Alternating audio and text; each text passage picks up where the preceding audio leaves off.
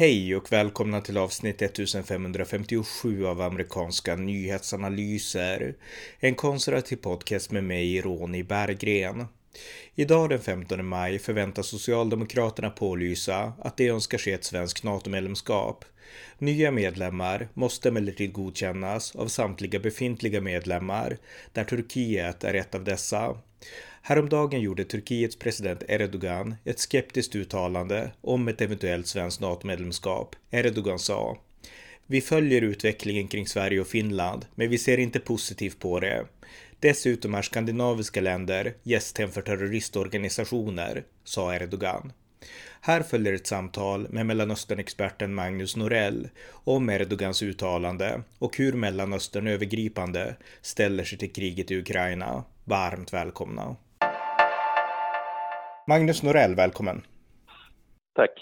Eh, Sverige befinner sig nu i en process, förmodar jag i alla fall, vi får se vad Socialdemokraterna säger idag, men en process att gå in i NATO, gå med i NATO. Och Turkiet, de har reagerat ganska negativt. Eh, Turkiets president Erdogan har sagt att han ser inte positivt på ett svenskt medlemskap. Och min fråga till dig, som är mycket duktig på Mellanöstern, är varför vill Turkiet sätta käppar i hjulen för ett svenskt och även kanske finskt NATO-medlemskap? Ja, det, det, är väl två skäl tror jag framförallt. Det ena och första då, det är naturligtvis eh, att, att Sverige och även Finland i viss mån, men framförallt Sverige, ses som väldigt pro-kurdiskt. Eh, inte minst att det finns eh, representanter i Sverige för flera olika kurdiska organisationer, bland annat PKK, som är klassad som en terrororganisation i Turkiet. Och det här har varit eh, bone of contention i ganska många år mellan Turkiet och Sverige. Så jag tror att det här är en markering från Turkiets sida eh, att man vill, man vill ha någonting, man vill ha, man vill ha no, någonting tillbaka för att stödja ett, ett eh, svenskt och finskt eh, medlemskap. Det är den ena sidan och det tror jag är det viktigaste skälet här. Det andra jag tror också handlar om att, att eh, Turkiet, som ju under hela det här kriget i Ukraina har haft förbindelser både med, med, med Ryssland och, och Ukraina, vill visa Ryssland att man fortfarande inte så att säga har valt sida utan man fortfarande är en, en, eh, en potentiell medlare i den här konflikten. Det tror jag är ett annat skäl. Men, men, men framförallt så tror jag det handlar om, om, om den kurdiska frågan. Mm. Och eh, Ann Linde hon var ju på ett besök nu och samtalade med, jag tror att det var Turkiets utrikesminister och då kom frågan mm. om just de här turkiska grupperna upp, eller kurdiska grupperna upp. Mm. Och eh, hon menade då att man hade olika syn på vilka som var terroristgrupper och inte. Kan du utveckla det lite grann? Alltså hur mm. skiljer sig Sverige och Turkiet i synen på det? Ja, det är framförallt, det är framförallt PKK då och med PKK-lierade grupper som, som Sverige har inte klassat dem som en terrororganisation men det har ju Turkiet gjort. Och USA också by the way, det, så det är inte bara Turkiet. Men det är den, det är den, uh, den springande punkten här naturligtvis. Och att uh, individer som Turkiet uh, gärna skulle vilja lägga vantarna på har fått uh, skydd i Sverige och så vidare. Och som sagt, den här frågan går ju tillbaka långt i tiden. Det, det dyker ju inte upp nu. Så det är det är det, det handlar om. Mm. Eh, men alltså vad vill Turkiet uppnå? Alltså vad vill de att Sverige ska göra? Alltså vill de att vi ska... Ja, ja. ja det, det, är, det är en bra fråga. Va? Jag, jag, tror som sagt att det här är, det här är ett utspel. Ett, ett första utspel i, i, i den här processen. Alltså även om det finns ett snabbspår som det ju kallas då för Sverige och Finland om, om vi lämnar in en ansökan så kommer det fortfarande ta ett tag. Det är, alltså, en process och det, här systemet med att alla måste vara ense för att eh, godkänna någon, någon ansökan finns ju kvar. Så jag tror helt enkelt att det här är det första turkiska utspelet för att tala om att eh, vi tänker inte bara gå med på det här utan vi vill ha någon form av, kompensation här. Hur det ska se ut det vet jag faktiskt inte därför att att Sverige skulle gå med på att terrorklassa PKK ser jag ju som väldigt osannolikt måste jag säga. Eh, men det kan ju finnas andra saker som, som kan vara intressanta. Jag menar, och det behöver egentligen inte handla om Sverige utan det kan ju handla om, om Turkiets roll i Nato och internationellt. Jag menar ekonomin är ju helt under isen. Eh, så det kan vara sådana saker också som, som Turkiet eh, fiskar lite efter här att, att få stöd för. Mm. Så det måste inte nödvändigtvis vara att Sverige gör någonting. Eh, det, det, det, det skulle, jag menar jag har svårt att se vad det skulle vara, mindre då att man plötsligt ändrar sig och säger att ja, men vi tycker också att PKK är terrororganisation. Det, det tror jag inte på alltså. Utan, så, så jag tror att det här framförallt ska ses som ett, som ett första utspel i en, i en process. Men att man inte tänker gå med på att, bara godkänna rakt av. Nej, men... Alltså, ja. Och, och, ja. Nej, ja, men jag tänkte, va, ja, men fortsätt, förlåt, fortsätt. Nej, jag, jag tror att, att, att eh, alltså, den turkiska förhandlingspositionen är nödvändigtvis inte så fruktansvärt stark heller. Eh, jag menar, det är viktigt för Turkiet, väldigt viktigt för Turkiet att ha den här att fortsätta ha, kunna ha den här medlarrollen. Att man är ju med i Nato och, och, och, eh, men man vill inte då helt och hållet eh, skopa ut förbindelserna med Ryssland. Och det är ju en väldigt svår sits att befinna sig i och lättare lär det inte bli heller. Men, men eh, det är en roll som Turkiet kan ha. Jag menar, du kan se nu hur man manövrerar för att hjälpa till med evakueringen från Mariupol till exempel. Är Turkiet väldigt, eh, väldigt aktiva och mm. försöker hitta sätt att, att evakuera de här sårade då, och andra också från, från uh, Azovstal-fabrikerna där. Så att rollen som Turkiet har här är, är svår. Så att, och, men det betyder också att man har inte hur mycket utrymme som helst. Men det faktum att, att systemet i Nato säger att alla måste vara ombord för att ta in en ny gör ju att de, att de har ju en, en, en, en position med, med visst inflytande. Men den ska man inte den kan man inte utnyttja hur mycket som helst. Ja. Du förstår, det, det, det finns en, en, en bortre gräns där men, men, men, men, men den, den, finns där och, de, och Turkiet gör nu alla medvetna om att, man påminner om att, att så här ligger det till. Vi ser oss nog, vi ser det här som en, som en, som en process och, och vi vill nog gärna ha någonting för det här. Mm. Men behöver alltså, och du säger att vi ska inte lägga för mycket vikt vid det, men, men behöver Sverige ändå agera diplomatiskt och kommer vi få uppbackning av övriga, alltså övriga NATO-länder, USA och Storbritannien? Ja, alltså, mm. lä lägga vikt vid det, missförstod mig nog, lägga vikt vid det ska man naturligtvis göra. Det, det, det ska man ju naturligtvis. Eh, men, men Sverige har, har ju naturligtvis, talar ju med Turkiet, det måste vi göra, självklart. Men om, om man bara begränsar frågan till relationerna Sverige-Turkiet, då är det inte så fruktansvärt mycket mm, pjäser som går att flytta. Men det handlar om den här grundläggande principen om att, att Turkiet menar att vi, vi harborerar terrorister här. Och det menar ju Sverige att vi inte alls gör. De pekar PKK som en terrororganisation och organisationer nära, nära eh, PKK som terrororganisationer. Det gör inte Sverige. Du kan, och, och den frågan men som sagt, Sverige lär inte ändra det. Det har jag otroligt svårt att se att vi skulle göra. Så det måste handla om andra saker och det, det är naturligtvis Turkiet mycket väl medvetna om mm. också. Så det är bara så jag menar. Att det finns andra faktorer här som kan spela roll. Va? Mm. Eh, men vi kommer få uppbackning, alltså hela NATO kommer förmodligen också trycka på, alltså vi behöver inte känna oss ensamma i den här rollen. Att nej, nej, nej det, det, det, tror jag inte. Det tror jag inte. Det, och det går naturligtvis att hitta formuleringar och annat som, som gör det här möjligt. Och, så det, det, finns sätt att göra det här, utan det här är Turkiet som markerar mer än någonting annat och talar om att det blir inte någon walkover utan vi, vi kommer att kräva någonting för det här. Mm. Jag tror att Erdogan är tillräckligt smart för att fatta att man kan inte dra det hur långt som helst. Nej, precis. Eh, men jag tänkte, alltså om det nu ändå så skulle bli så att det här inträdet, det kommer inte gå supersnabbt, det kommer väl att gå relativt snabbt kanske, men inte supersnabbt. Men om mm. inträdet Nej. nu skulle bli förhalat, alltså om Turkiet ändå skulle sätta käppar i hjulen eller kanske något annat land, mm. eh, vad skulle det innebära i så fall? Alltså skulle det innebära en fara för Sverige om den här processen drar ut kanske flera år, eller hur tänker du? Ja, flera år tror jag inte den kommer ut, men, men det är ju redan så att Sverige har fått garantier. Både, både det här försvarssamarbetet med Storbritannien till exempel eh, och, och från USA också. Eh, att vi kommer att, Nato kommer att, så att säga, skydda Sverige under den, här, under den här processen fram till dess att vi blir formella medlemmar. Så, så det, är, det, är, inte så att det bara kommer att, att, att Sverige, under den här processen kommer Sverige att skyddas så att säga på olika sätt då, mm, inom ramen för vad man kan göra. Så, det, så är det naturligtvis.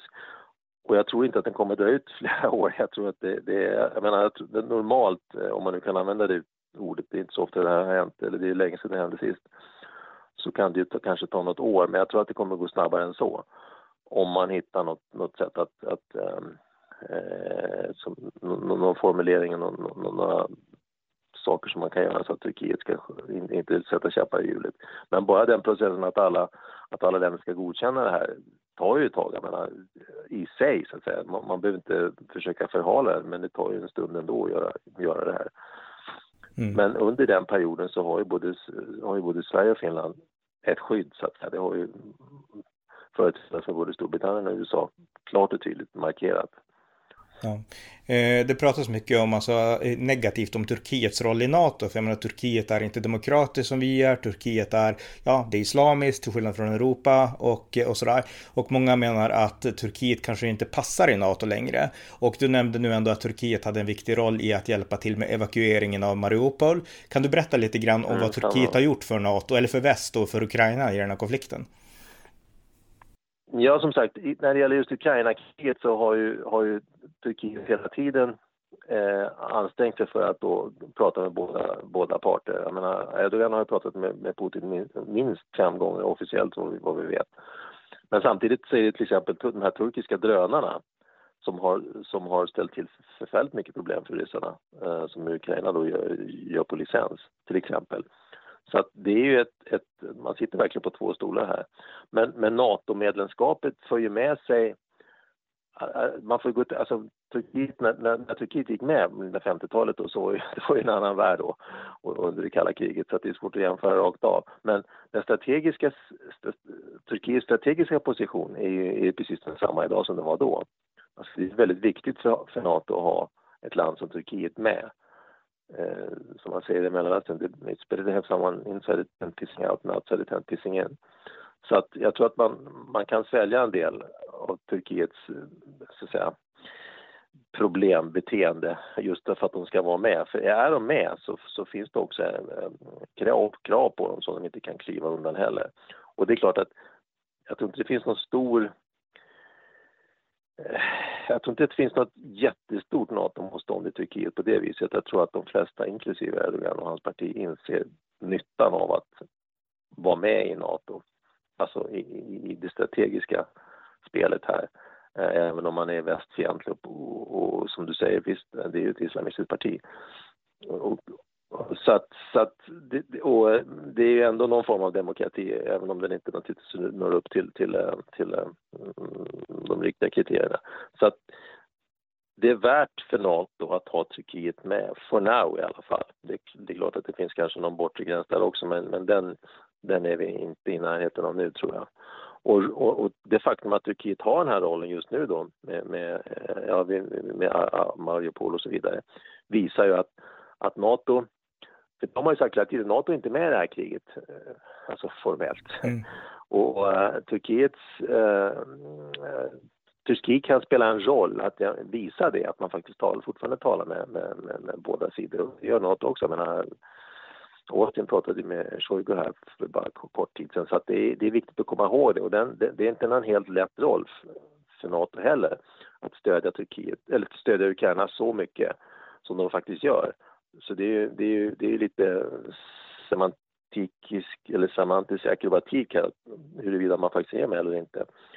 Men det är viktigt att man formellt inte är det och då kan Turkiet även där ha, ha, ha en roll att spela. Så att jag tror att Turkiet har en, en, en plats i NATO fortfarande. Ja, just det. Men jag förstår den här mellanrollen, att den är viktig att kunna liksom, mm. det är ju ett land som ligger mellan både Asien och Europa också. Men rent konkret, ja, militärt, ja, rent konkret militärt, vad, vad erbjuder Turkiet då? Alltså, man kan, jag kan inte så mycket om Turkiet. Finns de, har de Nej. militär kompetens som vi i Europa inte har? Ja, eller? Det... Nej, det vet jag inte om de har någon kompetens som vi inte har. Det har de nog inte. Men, men, men de har ju, men det har å andra sidan inte Estland heller, höll jag på att säga.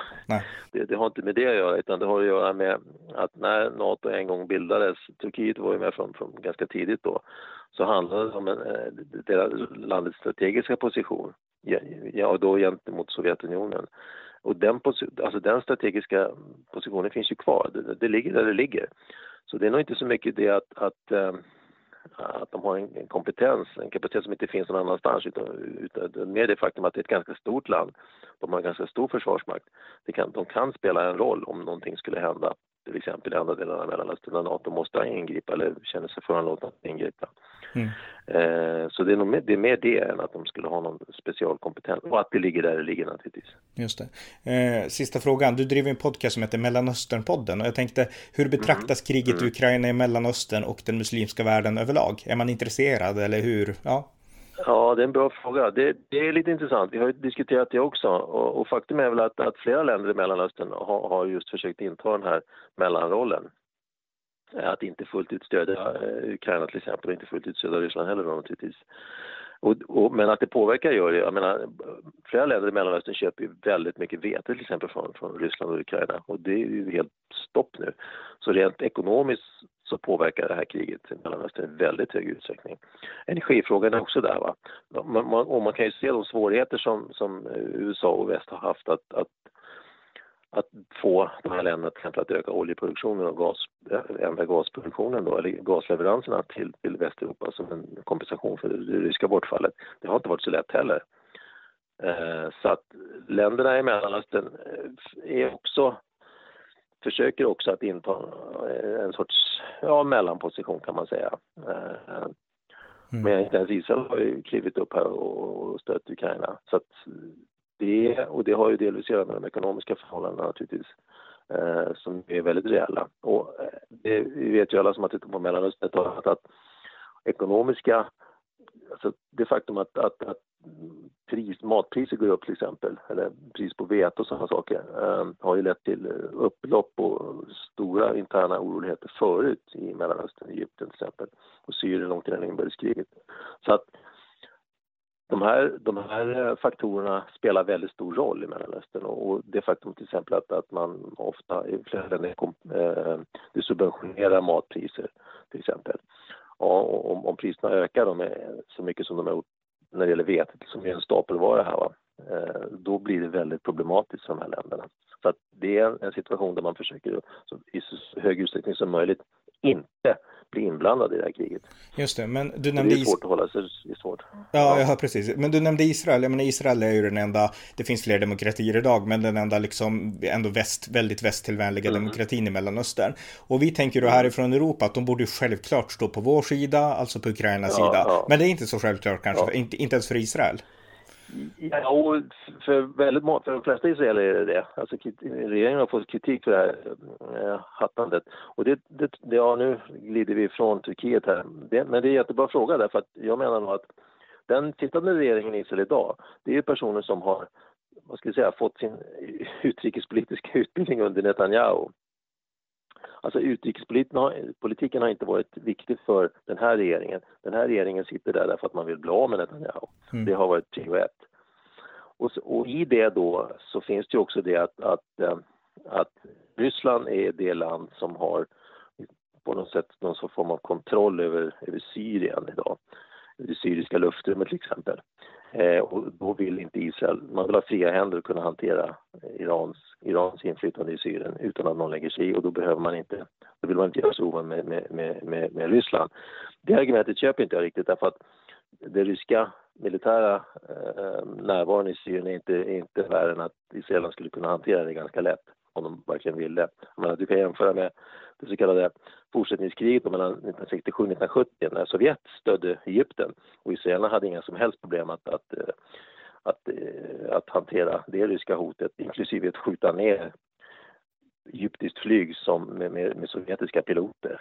Så att, att, att man skulle vara orolig för det, det ryska så att säga, närvaron i Syrien eh, tror jag inte, det köper jag inte alls. Utan det har att göra med att det ligger kvar eh, som ett argument som användes under Netanyahus tid och sen har man inte riktigt ifrågasatt det. det har, de har ju drivits åt Ukrainas håll mer och mer och inte minst därför att befolkningen i stort menar att man, att man borde göra det. Så att det här är inte, det här har inte israelerna, israelerna skött, eller israeliska regeringen skött något vidare bra alls. Och risken är att man kommer att hamna i en situation där, där ingen sida tycker att man har gjort rätt. Mm. Så den risken finns ju. Ja. Om du har tid så en sista fråga. Jag kom på att de här islamisterna mm. som i Tjetjenien som det har pratats mycket om att Putin ska anlita mm. dem för att delta i kriget i Ukraina. Finns de, ha, finns de där eller vad är deras roll idag? Till, ja, till, till viss del så har man försökt använda dem. Eh, men eh, inte kanske i den utsträckning som, som det, det, det vankades om i början där. Eh, men, men, men, Ryssland har ju försökt att, Ryssland har ju problem med, med manskap, det är ganska uppenbart. Och eh, både de här olika tjetjenska grupperna då, samt till exempel har man försökt rekrytera eh, legosoldater från just Mellanöstern, Syrien till exempel.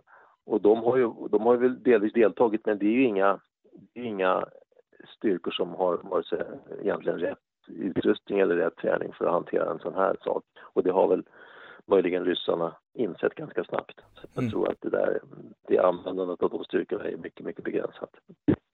Den här första kontingenten Tjetjener, den fick ju ordentligt på tafsen eh, ganska tidigt då.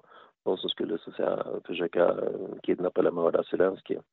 Och efter det då så tror jag nog att, att man har på användandet så att säga rysk sida. Vi har ju sådana svenska veteraner som Jesper Söder som har varit och stridit mot Islamiska staten i Syrien. Han åkte en kort sväng till Ukraina också. Men det jag har förstått är att många av de här som har erfarenheter av Mellanöstern, de säger ändå att det här kriget i Ukraina är av ett helt annat slag. Alltså det finns inga likheter. Ja, det är det ju. Ja, nej, men kan, kan du beskriva det, skillnaden? Ja, skillnaden är ju att, att i, i, i, i Syrien då, inbördeskriget där, Islamiska staten där var ju ett, ett, ett lågnivåkrig på sätt och vis. Där mycket små förband eh, om, eh, slogs med varandra, om det överhuvudtaget var förband som slogs med varandra, utan det var ju små skärmytslingar mer än någonting annat egentligen. Eh, men det här är ju ett, ett manöverkrig på ett helt annat sätt eh, som vi ser i Ukraina idag. Det är ju stora arméförband som så att säga, manövrerar och som slåss. Det, Ukraina har ju alltså naturligtvis typ använt sig av, av Special Forces i väldigt hög utsträckning och så vidare. Så, så där finns det ju likheter, men, men terrängen är annorlunda, eh, vapnen är annorlunda, alltså teknologin är annorlunda, de strategiska och taktiska övervägandena är annorlunda. Så att det skiljer sig på så många olika håll. Så att bara för att du har slagits och kan hantera vapen i Syrien så betyder det inte att du bara kan liksom översätta det till ukrainska förhållanden. Så när man säger att det här är liksom det värsta som hänt Europa sedan andra världskriget så det är verkligen så, alltså den här militära ja, det håller med flyg? Ja. ja, ja visst. Mm. Ja, visst, visst är det så, visst är det så. Mm. Okej, okay, men tack så mycket Magnus Norell. Tack så mycket. Ni har lyssnat på det senaste avsnittet från amerikanska nyhetsanalyser och så här avslutningsvis vill jag mana till stöd för Ukraina. Igår vann Ukraina Eurovision Song Contest, vilket blir en symbol för den samhörighet med Europa som Ukraina söker.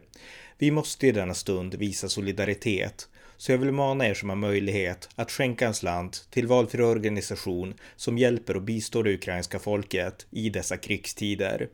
Det är genom att stå enade och genom att visa enheten i handling som vi kan trycka undan den ryska imperialismen. Det var allt för denna gång. Tack för att ni har lyssnat.